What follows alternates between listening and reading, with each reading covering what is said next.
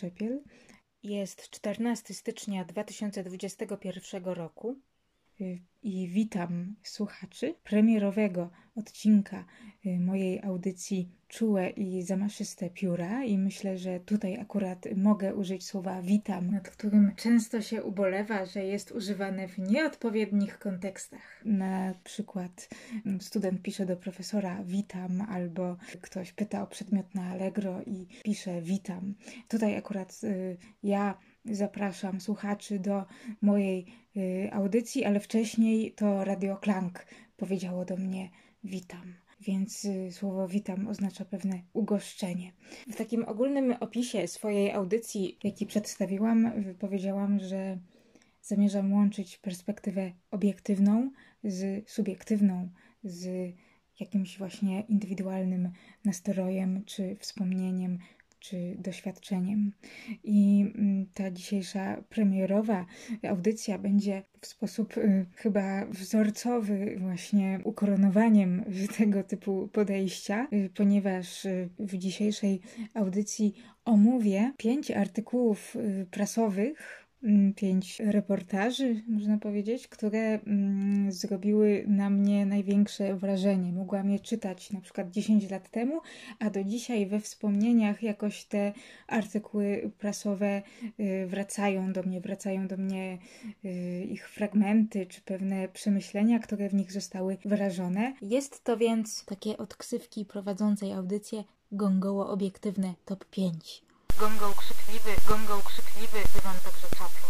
Są to y, artykuły raczej z prasy takiej powszechnie dostępnej, nie, niespecjalistycznej, więc ja dokonałam ich subiektywnego wyboru, natomiast one jednak mówią o właśnie zjawiskach, y, które jakoś dotyczą każdego człowieka. Każdy, każdy może mm, spotkać się ze zjawiskami opisywanymi w tych reportażach, zatem w tym sensie mm, są to zjawiska obiektywne. I pierwszym takim tekstem, który opisze i w stosunku do którego zaprezentuje pewne przemyślenia własne, jest mm, artykuł Sylwii Czubkowskiej z dziennika Gazety Prawnej z wydania bożonarodzeniowego z grudnia 2015 roku. Artykuł nazywa się Schakuj życie i dotyczy on tego, że coraz y, częściej y, szukamy jakichś sposobów, jak zrobić coś w taki sposób sprytny, taki najlepszy pomysł na ogarnięcie jakiegoś problemu związanego z y, gospodarstwem domowym z, czy z internetem. Szukamy mm, takich rozwiązań, w jaki sposób zająć się jakimś y, zadaniem. Jest podany przykład y, tego, że mm, jeżeli zadanie jest proste do zrobienia, powinniśmy je zrobić od razu. Jeżeli jest trochę dłuższe, powinniśmy ustalić, kiedy je wykonać. A jeżeli nie wiemy, jak je zakwalifikować, to powinniśmy się zastanowić. Poszukiwanie takich, takich porad na y, właśnie z life hacking tutaj jest prezentowane mm, krytycznie ym, jako dowód pewnej przemiany cywilizacyjnej, można powiedzieć. Autorka tekstu pisze, y, że działają już tysiące blogów i poradników poświęconych lifehackingowi, a wszystkie pełne mm, coraz to nowych pomysłów na wszelkie możliwe jak. Od jak łatwo podjąć prawidłową decyzję, przez jak zrobić romantyczną świeczkę na walentynki, po jak skutecznie nauczyć dziecko języka obcego. Niespodziewanie okazało się, y, że każdy z nas może być lifehackerem. Wystarczy poszukać mm, sposobów na przyspieszanie codziennych czynności, efektywniej rozwiązywać problemy i cenić sobie swój czas. Koniec cytatu. I z tego tekstu wyłaniają się dwa problemy związane z lifehackingiem. Po pierwsze, ym, ten lifehacking tak naprawdę jest y, według y, autorki tekstu, według przytaczanych przez nią ekspertów, y, tak naprawdę upraszcza życie mm, również w takim sensie intelektualnym. Y, trochę nas dezindywidualizuje.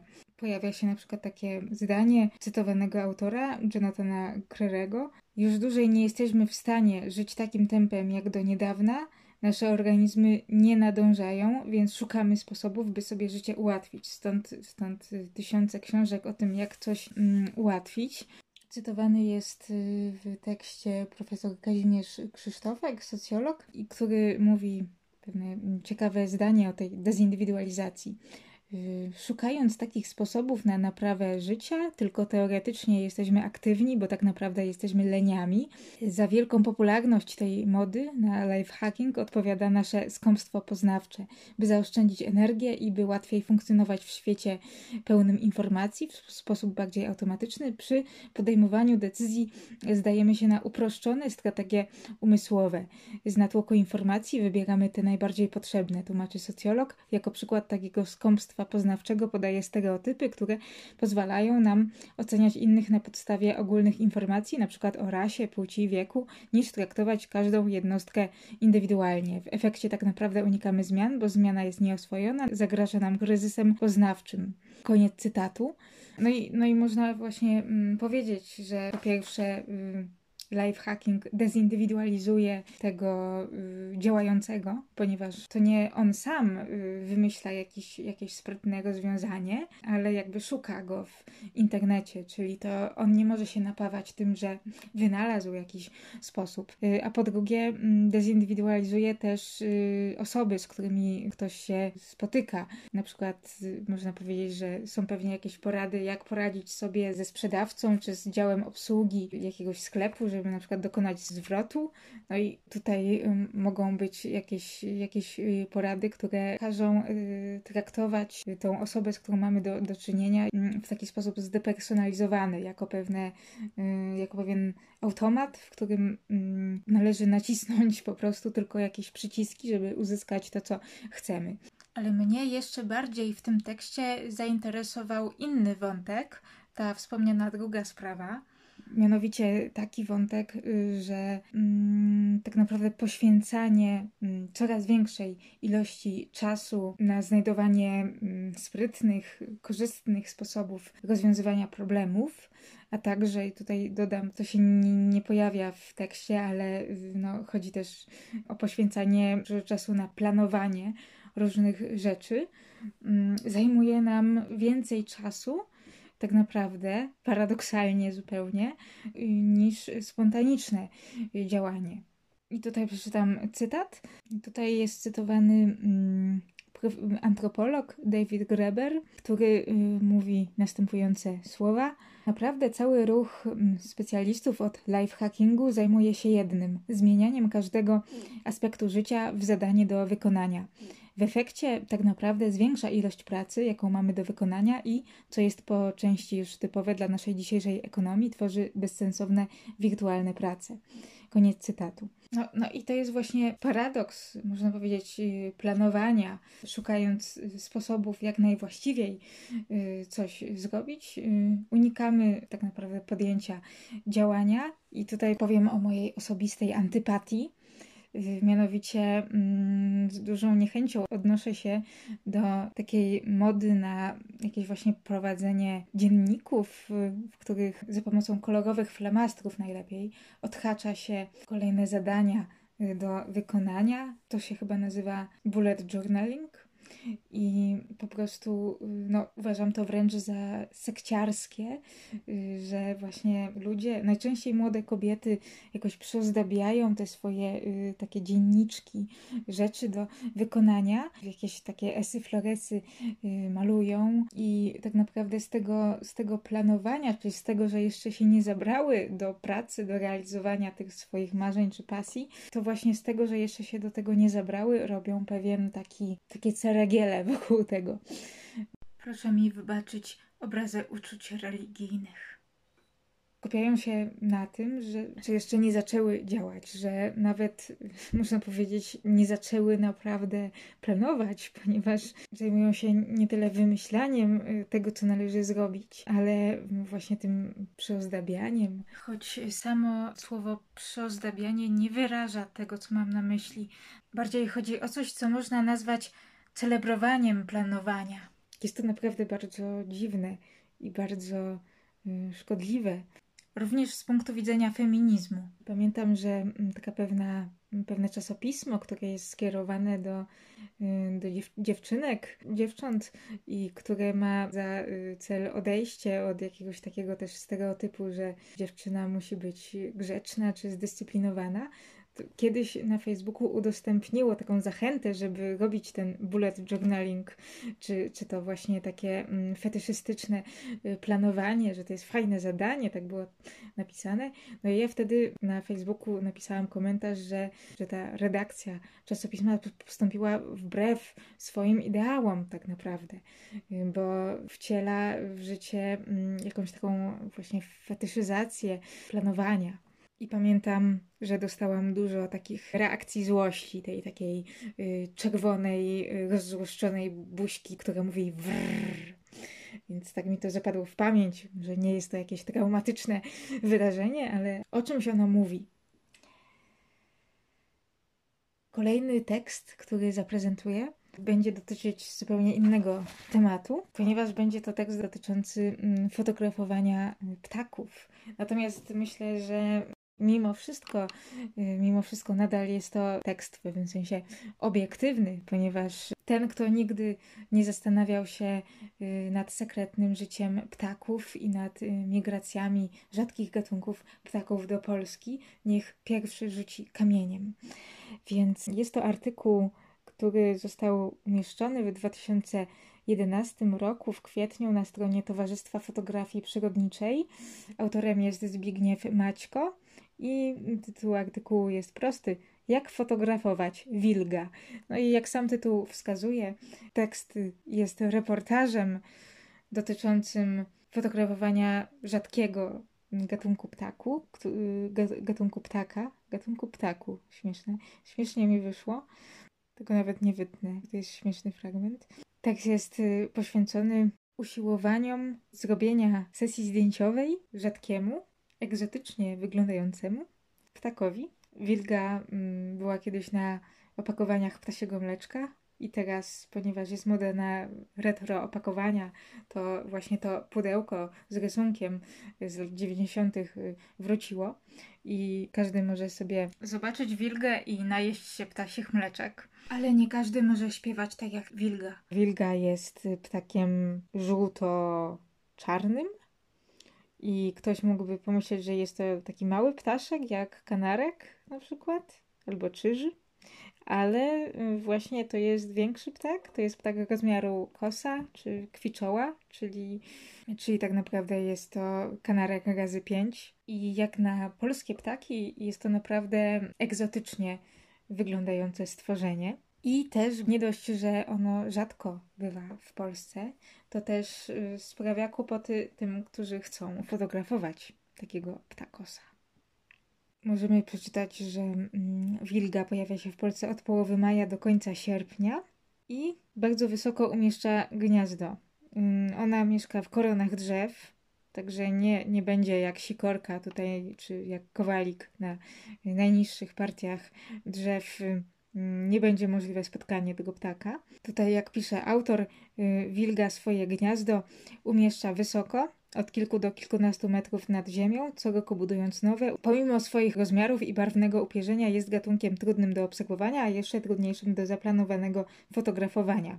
Najczęściej udaje się jedynie zobaczyć go w locie, przemykającego pomiędzy listowiem. Niestety same stwierdzenie obecności nie równa się zapisaniem zdjęć na naszym nośniku. Aby to osiągnąć, czeka nas spory wysiłek i długie obserwacje ptaków. Koniec cytatu. Autor tekstu mówi, że niezbędne jest y, początkowo, zanim człowiek wejdzie na drzewo, musi poznać rewir przebywania wilgi.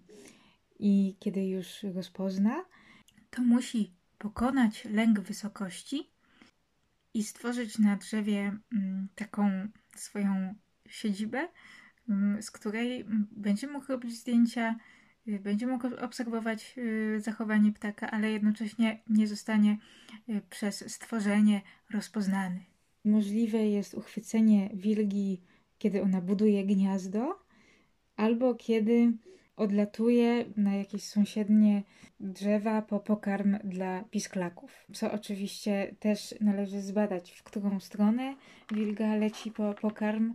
Trzeba zbadać te ścieżki. Autor nie udziela jedynie suchych rad, ale opisuje w dość taki ciekawy i humorystyczny sposób y, doświadczenia z fotografowaniem tego y, osobliwego gatunku ptaka. Ten ornitolog żeby go tak y, porównać z tymi, co prowadzą bullet journaling wspomniany wcześniej, mm, to on właśnie nie rysuje swoich planów w dzienniczku, ale jego planowanie jest, dokonuje się jakby niemalże równocześnie z działaniem, jest wynikiem jakichś eksperymentów. To jest właśnie w tym tekście no, czymś szczególnie intrygującym. Mm, I tutaj zacytuję. Wabienie wilgi głosem nie przynosi zadowalających rezultatów, ponieważ ptak owszem reaguje, ale odpowiednio zmniejszyć dystansu nigdy mi się nie udało. Nie zauważyłem również reakcji na podrzucane smakołyki w postaci larw, gąsienic czy różnego rodzaju owoców. Ale jest coś, czemu nie potrafi oprzeć się ten ptak. Na ten trop wpadłem zupełnie przez przypadek, kiedy na miejscu zostawiłem skrawki srebrnej taśmy izolacyjnej, którą miałem owinięty stary statyw. Wilga okazała się straszliwie łasa na materiał do budowy gniazda. Jakież było moje zdziwienie, kiedy obserwując postępy w budowie gniazda zobaczyłem, że jest ono obklejone moją srebrną taśmą. Koniec cytatu.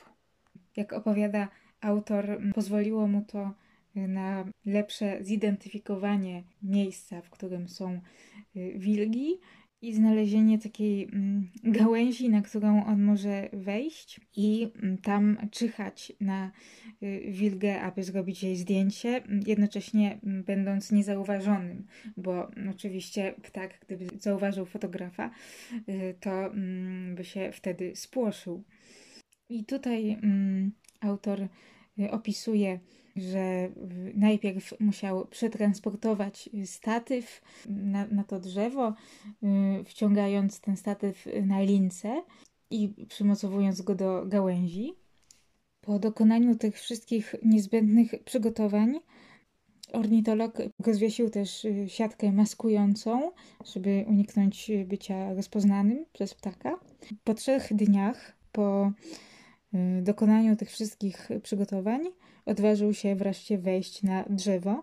I tutaj mm, okazało się, że jak y, przez dłuższy czas siedział trzymając się takiej bujającej, bujającej się od wiatru gałęzi, mm, to no, dopadło go złe samopoczucie. No i musiał jakoś to wytrzymać. Ponadto, kiedy patrzył w dół, y, również czuł pewne mm, przerażenie, y, ponieważ gdyby spadł, to mogłoby się skończyć y, to potwornymi zranieniami. Natomiast mimo wszystko mm, pozostał na tym drzewie. No i tutaj zacytuję dłuższy fragment artykułu.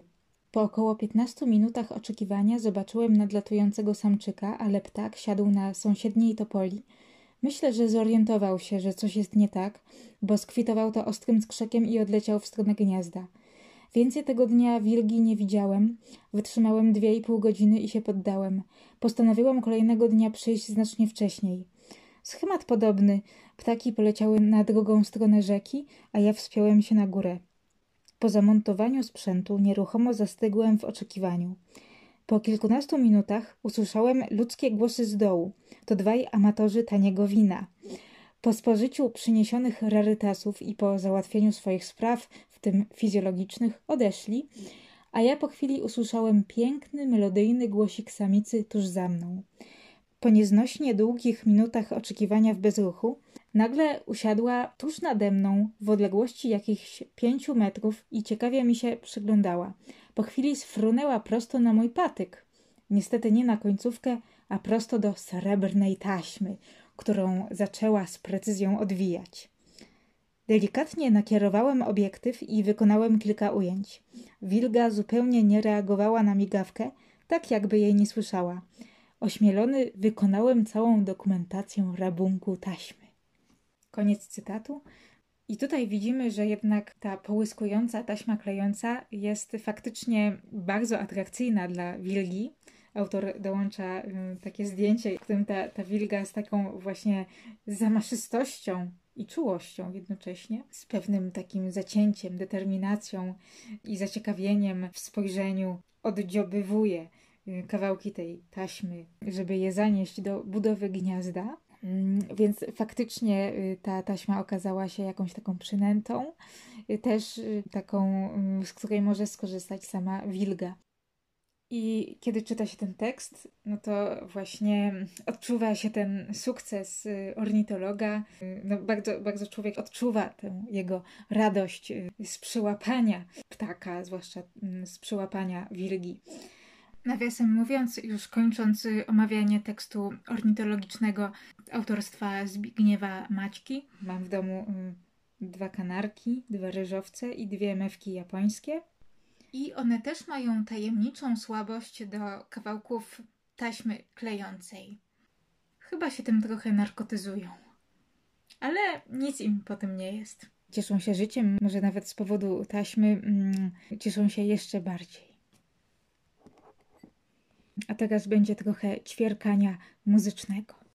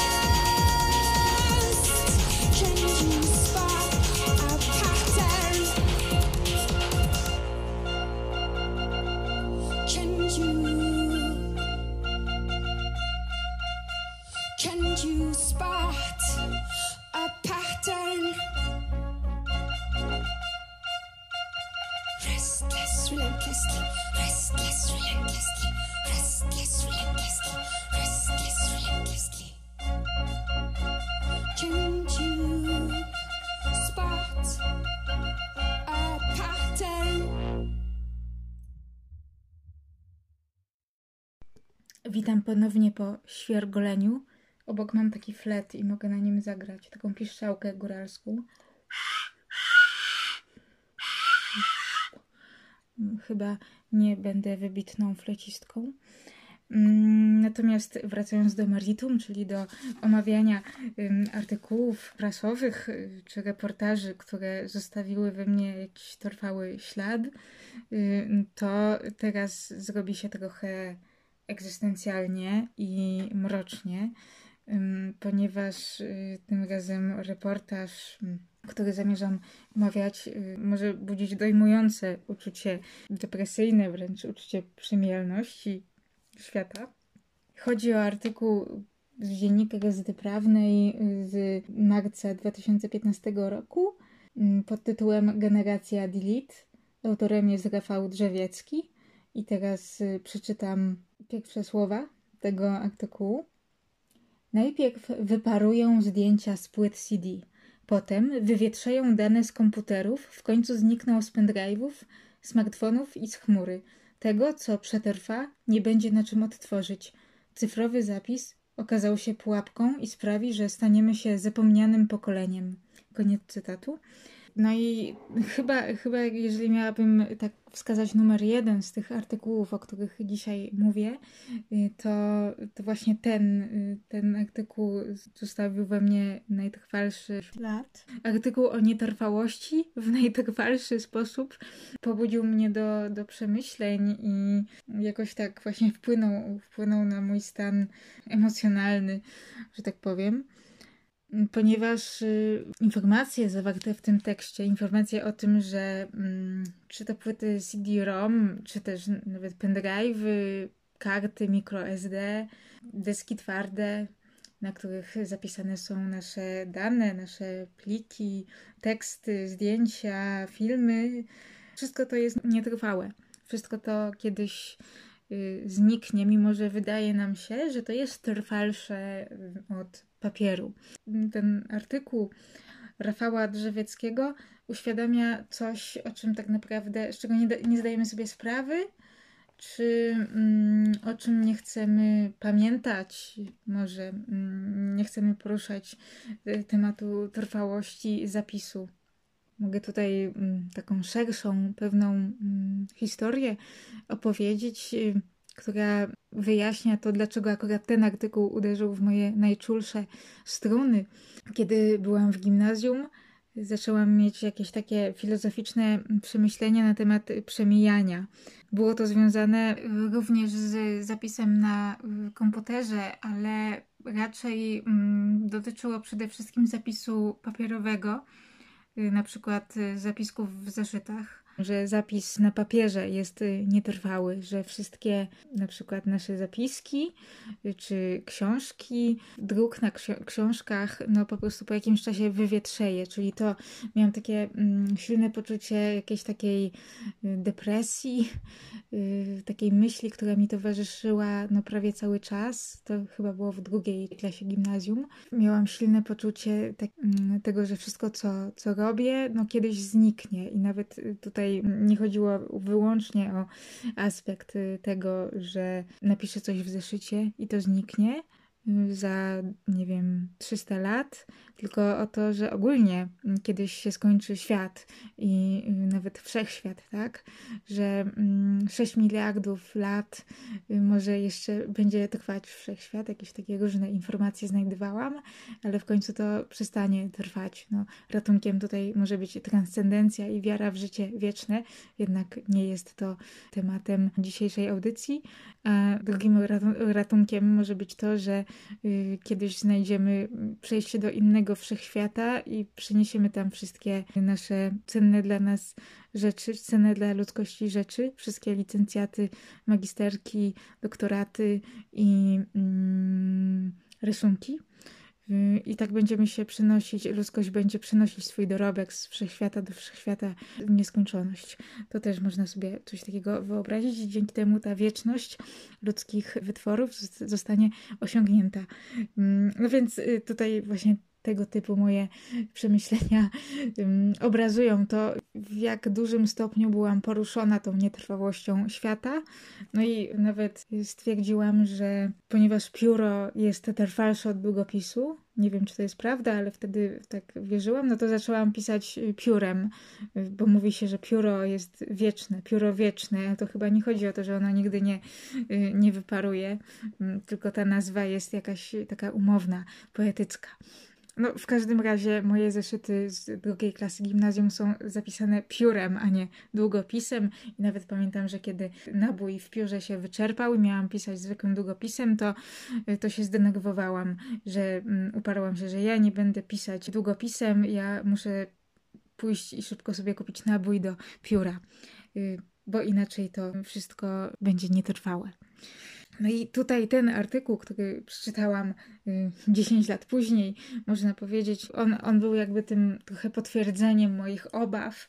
Y, te obawy zostały rozszerzone na właśnie na te, ten zapis cyf- cyfrowy, który powszechnie wydaje się trwalszy od zapisów papierowych, czy od, y, od książek, od odbitek zdjęć.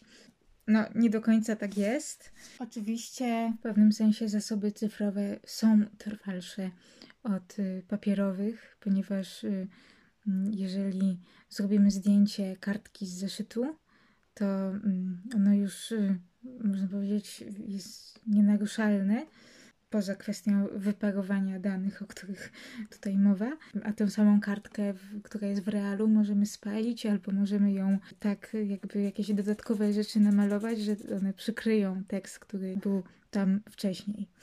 Mm.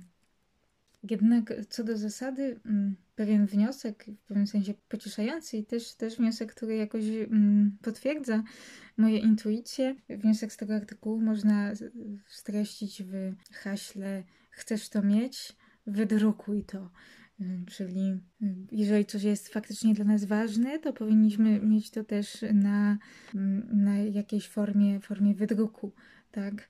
Na przykład zdjęcia, czy też nawet jak się napisze na przykład artykuł naukowy, prześle się go do redakcji, to, to jednak y, zupełnie czymś innym niż czytanie pliku na komputerze jest y, czytanie na papierze tego naszego dokonania. Więc y, oczywiście my często zwlekamy z mm, jakimś drukowaniem, uwiecznianiem fizycznym tego, co jest dla nas ważne. Natomiast myślę, że można to też w ten sposób zrobić taką hierarchię rzeczy, że to, co chcemy zachować, to właśnie to drukujemy. Y, Chcemy wydrukować y, to, co chcemy zachować. Nie chcemy drukować wszystkiego. Nie chcemy drukować jakichś rozmów y, typu y, przepraszam, mam pytanie, czy bluzka jest z bawełny, czy z poliestru. No, jednak jest z poliestru. E nie, to dziękuję, nie jestem zainteresowana. Nie chcemy drukować też zwyczajowych mm, pozdrowień, które, które nie są jakimiś dyskusjami, nie, nie wnoszą wartości humanistycznej, choć wbrew pozorom w zwykłych rozmowach, o czym zaraz za chwilę w takich, takich jakby codziennych rzeczach też można znaleźć tego typu wartość humanistyczną. Tutaj znajduje się mm, ciekawy fragment. W kwietniu 2010 roku Biblioteka Kongresu ogłosiła rozpoczęcie prac nad archiwizacją zasobów Twittera.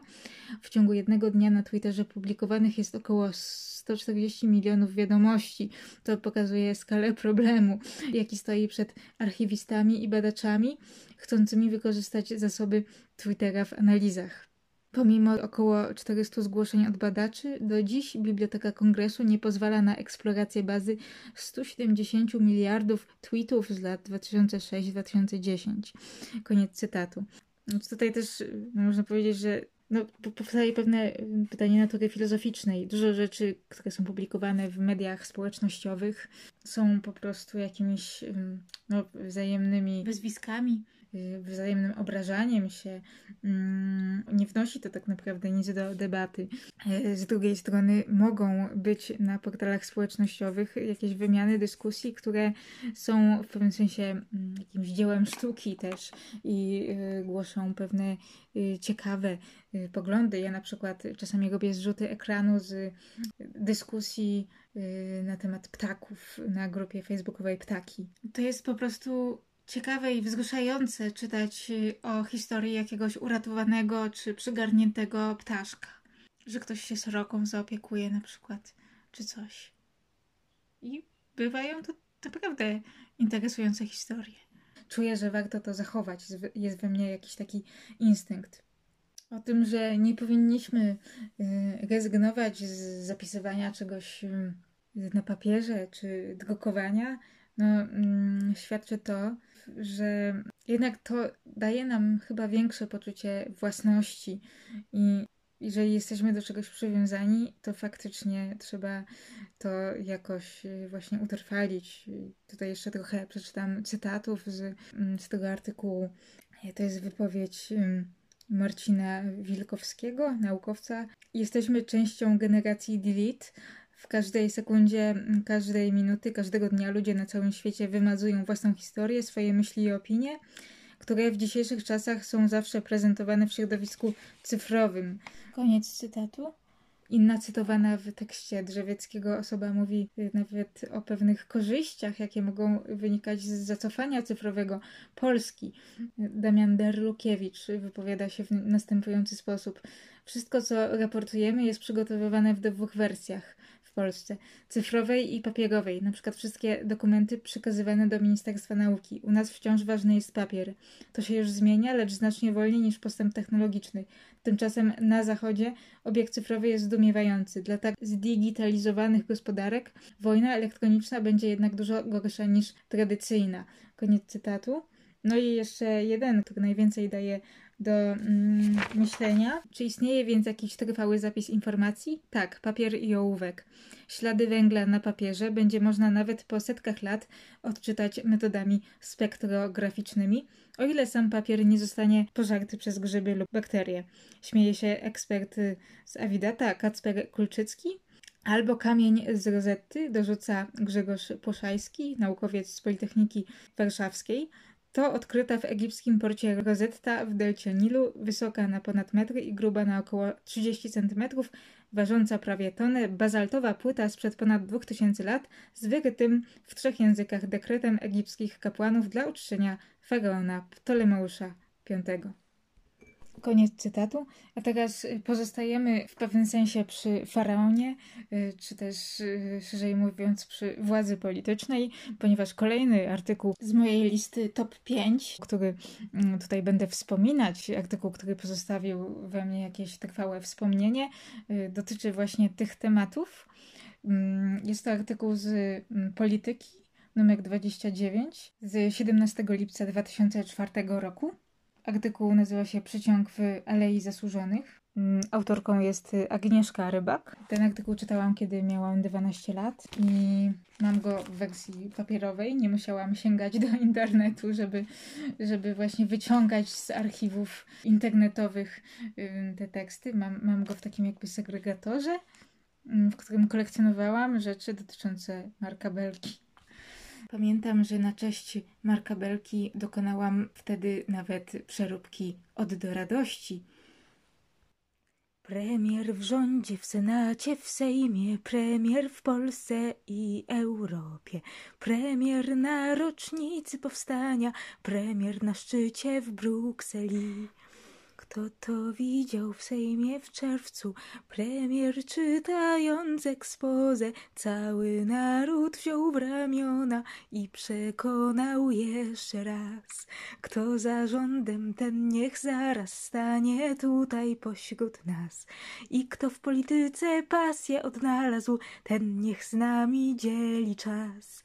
Z nami ten, kto choćby jedną ustawę poprzeć by mógł, ale kto premiera nie zna, niech nie wchodzi tu na próg. Jak widać, jest tutaj y, jakieś połączenie. Y, Tutaj nie ma znaczenia, czy chodzi o taką y, bogoojczyźnianą wersję polityki, czyli właśnie rocznica na przykład powstania warszawskiego, czy chodzi o szczyt unijny, jak postępowość, modernizację. Jakby tutaj równie ważne są oba te aspekty. Stąd się zapewne bierze to, że dzisiaj nie mogę się pogodzić mm, z polaryzacją polskiej polityki.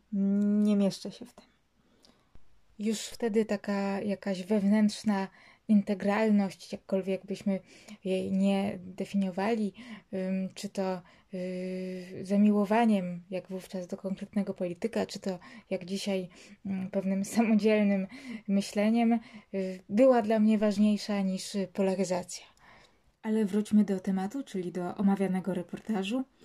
Yy, Artykuł yy, właśnie dotyczy mm, formowania swojego gabinetu przez nowego wówczas premiera Marka Belkę. Mm, Chodzi o formowanie grupy doradców, mm, tych, którzy mają pomagać w kontaktach z mediami, yy, różnych asystentów. Lead tego artykułu brzmi następująco. Premier Marek Belka, już pewniejszy swego, buduje zaplecze, kancelarię i grupę doradców. Wyciągnął wnioski z potknięć poprzednika, czyli Leszka Millera, i w pierwszej kolejności ściąga osoby, które zadbają o jego publiczny wizerunek. Chociaż dzisiaj ten tekst nie budzi mm, we mnie żadnego werterowskiego lęku, y, to wówczas y, y, tego typu tekst, zwłaszcza dotyczący jednego z moich ulubionych polityków, a tak naprawdę najulubieńszego, wzbudził we mnie jakieś takie rozczarowanie czy lęk, mm, ponieważ y, uważałam, ale też nadal uważam, że polityk musi być y, mm, autentyczny. Y, Oczywiście wtedy, wtedy mm, było to, można powiedzieć, takie młodzieńczo dogmatyczne. Mm, Uważałam, że, że ko- korzystanie z jakichś doradców medialnych jest, y, jest w pewnym sensie y, no, udawaniem kogoś, kim się nie jest.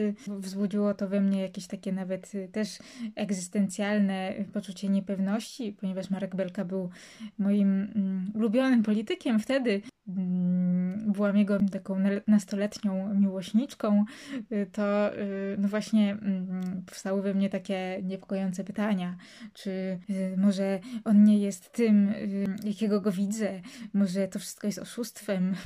I w sumie oczywiście dzisiaj mm, potrafię do tego podejść, no, że nie no, zawsze polityk potrzebuje pewnego jakby zaplecza, ale to nie znaczy, że jest y, nieautentyczny. Natomiast wtedy wzbudziły we mnie lęk. Y, Takie cytaty jak ten o pewnym doradcy medialnym, Jerzym Ciszewskim, który mówił, cytowany, staram się mm, podsuwać rady, pomagać premierowi w wywiadach. Dowiadujemy się z tekstu Agnieszki Rybak, że zajmował się wcześniej mm, promocją produktów takich jak Pizza Hut i tutaj były też takie cytaty jak y, Marek Belka od czasów pracy w Iraku ma przy sobie na stałe doradcę ym, od PR-u Jerzego Ciszewskiego. Jacek Kluczkowski bagatelizuje jego rolę, premier nie ma doradców medialnych, Ciszewski nie zajmuje się wizerunkiem i PR, y, tylko polityką medialną. Mm, Zapewnia jednak zażyłość z premierem i to, że jak się wydaje Belka ma do niego pełne zaufanie, wyrobiła Ciszewskiemu w kancelarii pozycję szarej eminencji. Nie wiadomo, komu formalnie y, podlega. Koniec cytatu. Pamiętam, że wówczas w roku, nie wiem, 2004, 2005 czy, czy 2006, ponieważ premier już odszedł ze stanowiska, ale jakoś nadal we mnie to zostało, miałam pewien uraz do pizzy Hut.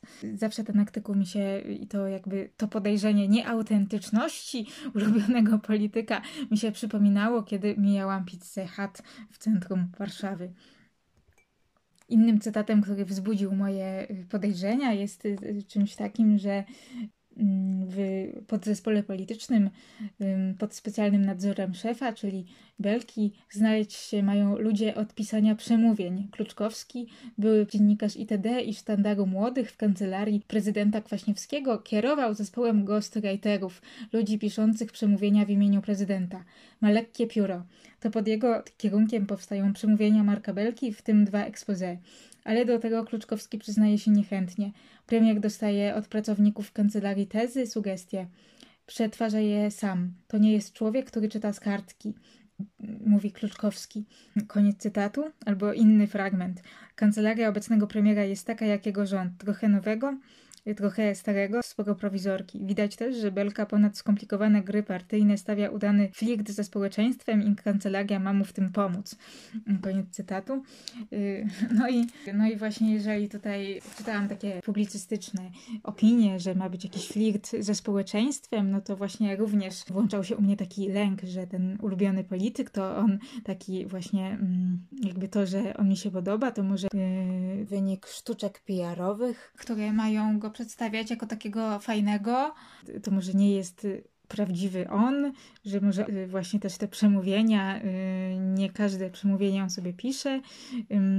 No i później pamiętam, wchodziłam na stronę, to było już nawet po, po rządach Belki, czyli w 2006 czy 2007 roku, wchodziłam na, na archiwa kancelarii premiera. Premierem był wówczas y, Jarosław Kaczyński, a ja nadal właśnie patrzyłam na te przemówienia Belki i sprawdzałam, które z nich jest wygłaszane, jakby, no, że widać, że to jest z kartki, a które z nich y, są, są przemówieniami autentycznymi, takimi właśnie wygłaszanymi bez kartki, takimi y, luzem. No i faktycznie dużo było takich przemówień wygłaszanych przez Belkę językiem takim, takim jakby luzackim, tak? Go with the flow.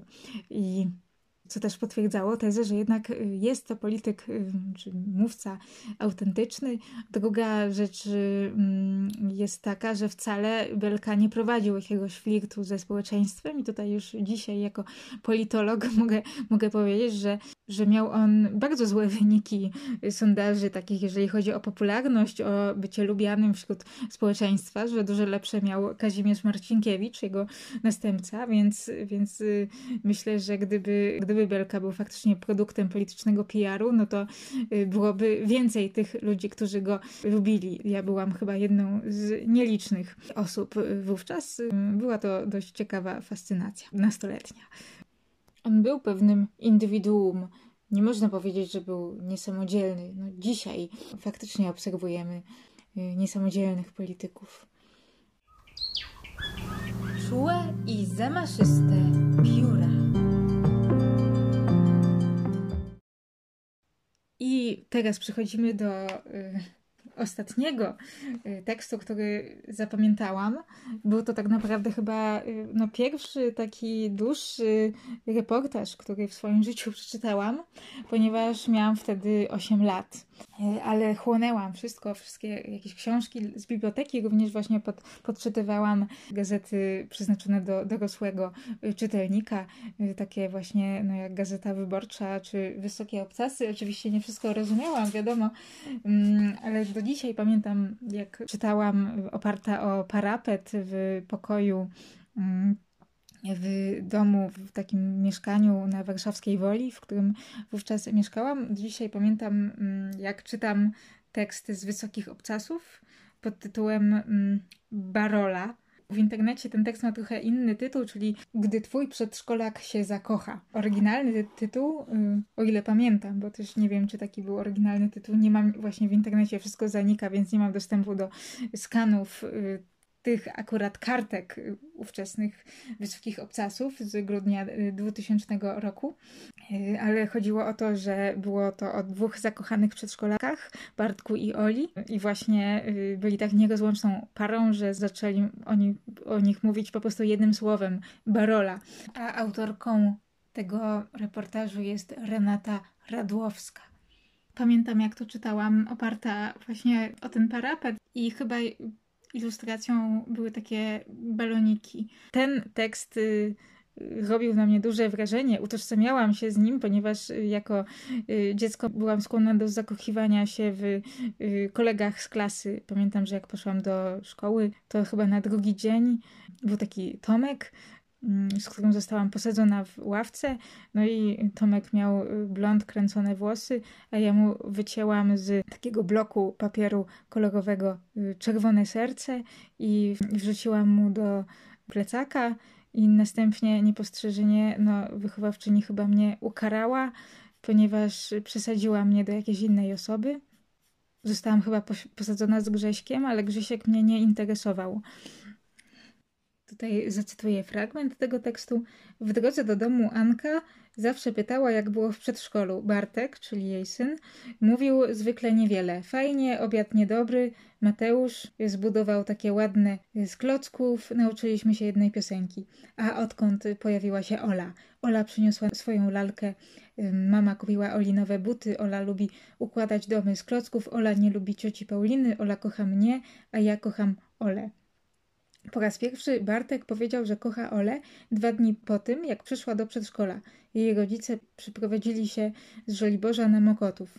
Siedział przed telewizorem i oglądał bajkę, opowiada Anka. Nagle mówi, kocham Olę. Powiedziałam o tym mężowi. Zakochał się jak dorosły, mówi Tomek, czyli tata Bartka. Oczy mu błyszczały, jakby gorączkę miał i swoich ulubionych kinder niespodzianek już nie chciał. Nic tylko Ola i Ola. Przedszkolanka Gabrysia pamięta, że całe przedszkole wzruszało się, kiedy Bartek czesał Oli włosy i jej wstążką obowiązywał sobie głowę, bo mu tak kazała. A ona jadła za niego drugie danie, bo jemu nie smakowało. Byli nierozłączni. W końcu zaczęliśmy mówić o nich Barola. To od Bartek i Ola. Po prostu jedna osoba. I obojgu w tym samym czasie wypadły lewe górne jedynki. Nie mogłam już patrzeć, jak on się codziennie żegna z tą dziewczynką, mówi Anka. Brali się za ręce i wchodzili pod ławkę. Dwadzieścia minut je rozdzielaliśmy, jak w melodramacie. Cała rodzina Bielskich już wiedziała. Obie babcie, dziadkowie, ciocie, wujkowie. Przy każdej okazji rozmawiali o Oli i Bartku. Anka postanowiła porozmawiać z mamą Oli. Okazało się, że Ola też zachowuje się histerycznie, kiedy zbliża się sobota i niedziela. Tylko, że Beata Zięba, mama Oli, tak bardzo nie przejmowała się zakochaniem córki, bo Bartek nie był jej pierwszą miłością.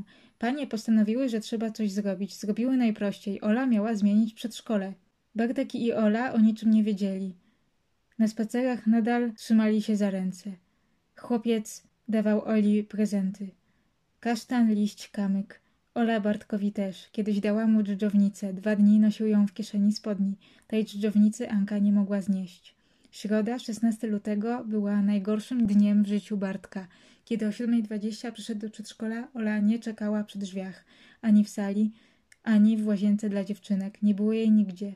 Anka szybko uciekła. Wszystkim obiecała się zająć pani Gabrysia. Długo tłumaczyła chłopcu, że Ola musiała wyjechać i będzie dzwonić od czasu do czasu. A kiedy Bartek urośnie, to ona wróci. Koniec cytatu. Później mm, jest opisany atak histerii, którego dostał w przedszkolu tamtego dnia Bartek, kiedy uświadomił sobie, że Ola mm, nie przyjdzie. Yy, cztery dni później dzieci spotkały się w hipermarkecie. I tutaj przeczytam dalej. Mm, Ola i jej mama też robiły zakupy w tym sklepie. Biegli do siebie wzdłuż półek z proszkami, opowiada Anka. Jak się w siebie wtulili, to nie można było ich od siebie oderwać.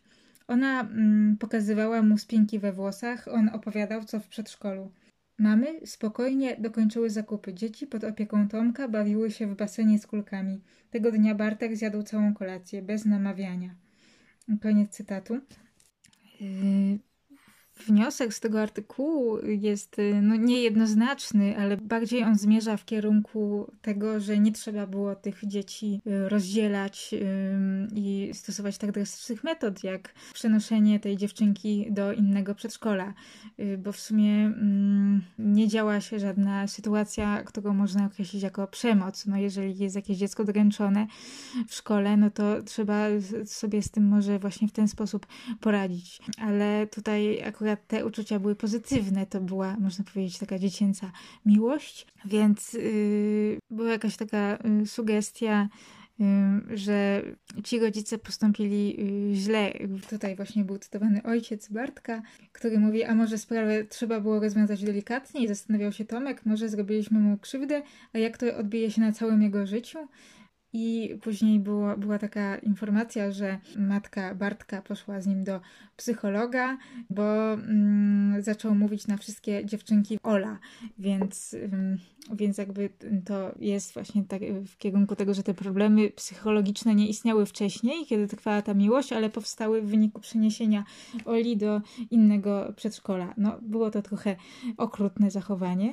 No, jeżeli mogę, ym, mogę sobie jakoś. Yy, przypomnieć, co czułam czytając ten artykuł jako ośmiolatka, to, to na pewno właśnie trochę mnie zdziwiło, ale też, też jakby czułam się taka jakby uwzględniona czy doceniona, że napisano, poświęcono cały artykuł y, takiemu dziwnemu zjawisku, y, jakichś takich wielkich uczuć y, odczuwanych przez dzieci. Y, nie, nie chodzi mi tylko o uczucia jakieś takie typu zakochanie, ale jakby ogólnie, że te y, emocje dziecka, czyli wówczas mnie, zostały potraktowane y, poważnie. Zrobiono y, z nich taki właśnie cały, cały artykuł. Mm, I ja się w tym jakoś odnajdowałam, jak byłam taka mała i czytałam ten tekst. Y, I też jakby zwróciło moją uwagę to, może wtedy nie potrafiłam tego, nie potrafiłam mieć takiego przemyślenia, ale ogólnie tym, co mi się spodobało wtedy i nadal mi się podoba, no było to, że ten artykuł jest właśnie taki niejednoznaczny, że, że po prostu te uczucia są, no i można napisać jakiś reportaż o tym, ale nie ma tutaj jednoznacznej jakby diagnozy. Natomiast y, często artykuły o psychologii są napisane tak, że o, oto my będziemy opisywać jakieś zaburzenie. Tutaj jakby ten artykuł bardziej skręca w stronę takich niespiesznych rozważań, niespiesznych poszukiwań, aniżeli jakiegoś ferowania wyroków. Tym akcentem zakończę, puszczając piosenkę, która trochę odpowiada tematowi reportażu o Bartku i Oli. A jeżeli zdarzy się, że Bartek i Ola, którzy teraz są osobami dorosłymi, będą słuchać Radia Klank, to serdecznie ich pozdrawiam.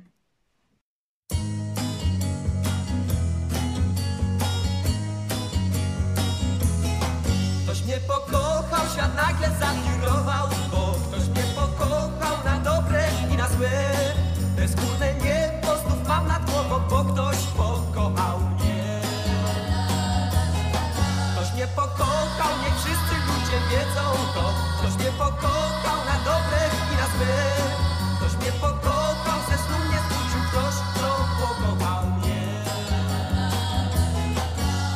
Lampa na grobie i krzesło i drzwi. Wszystko mi mówi, że mnie ktoś pokochał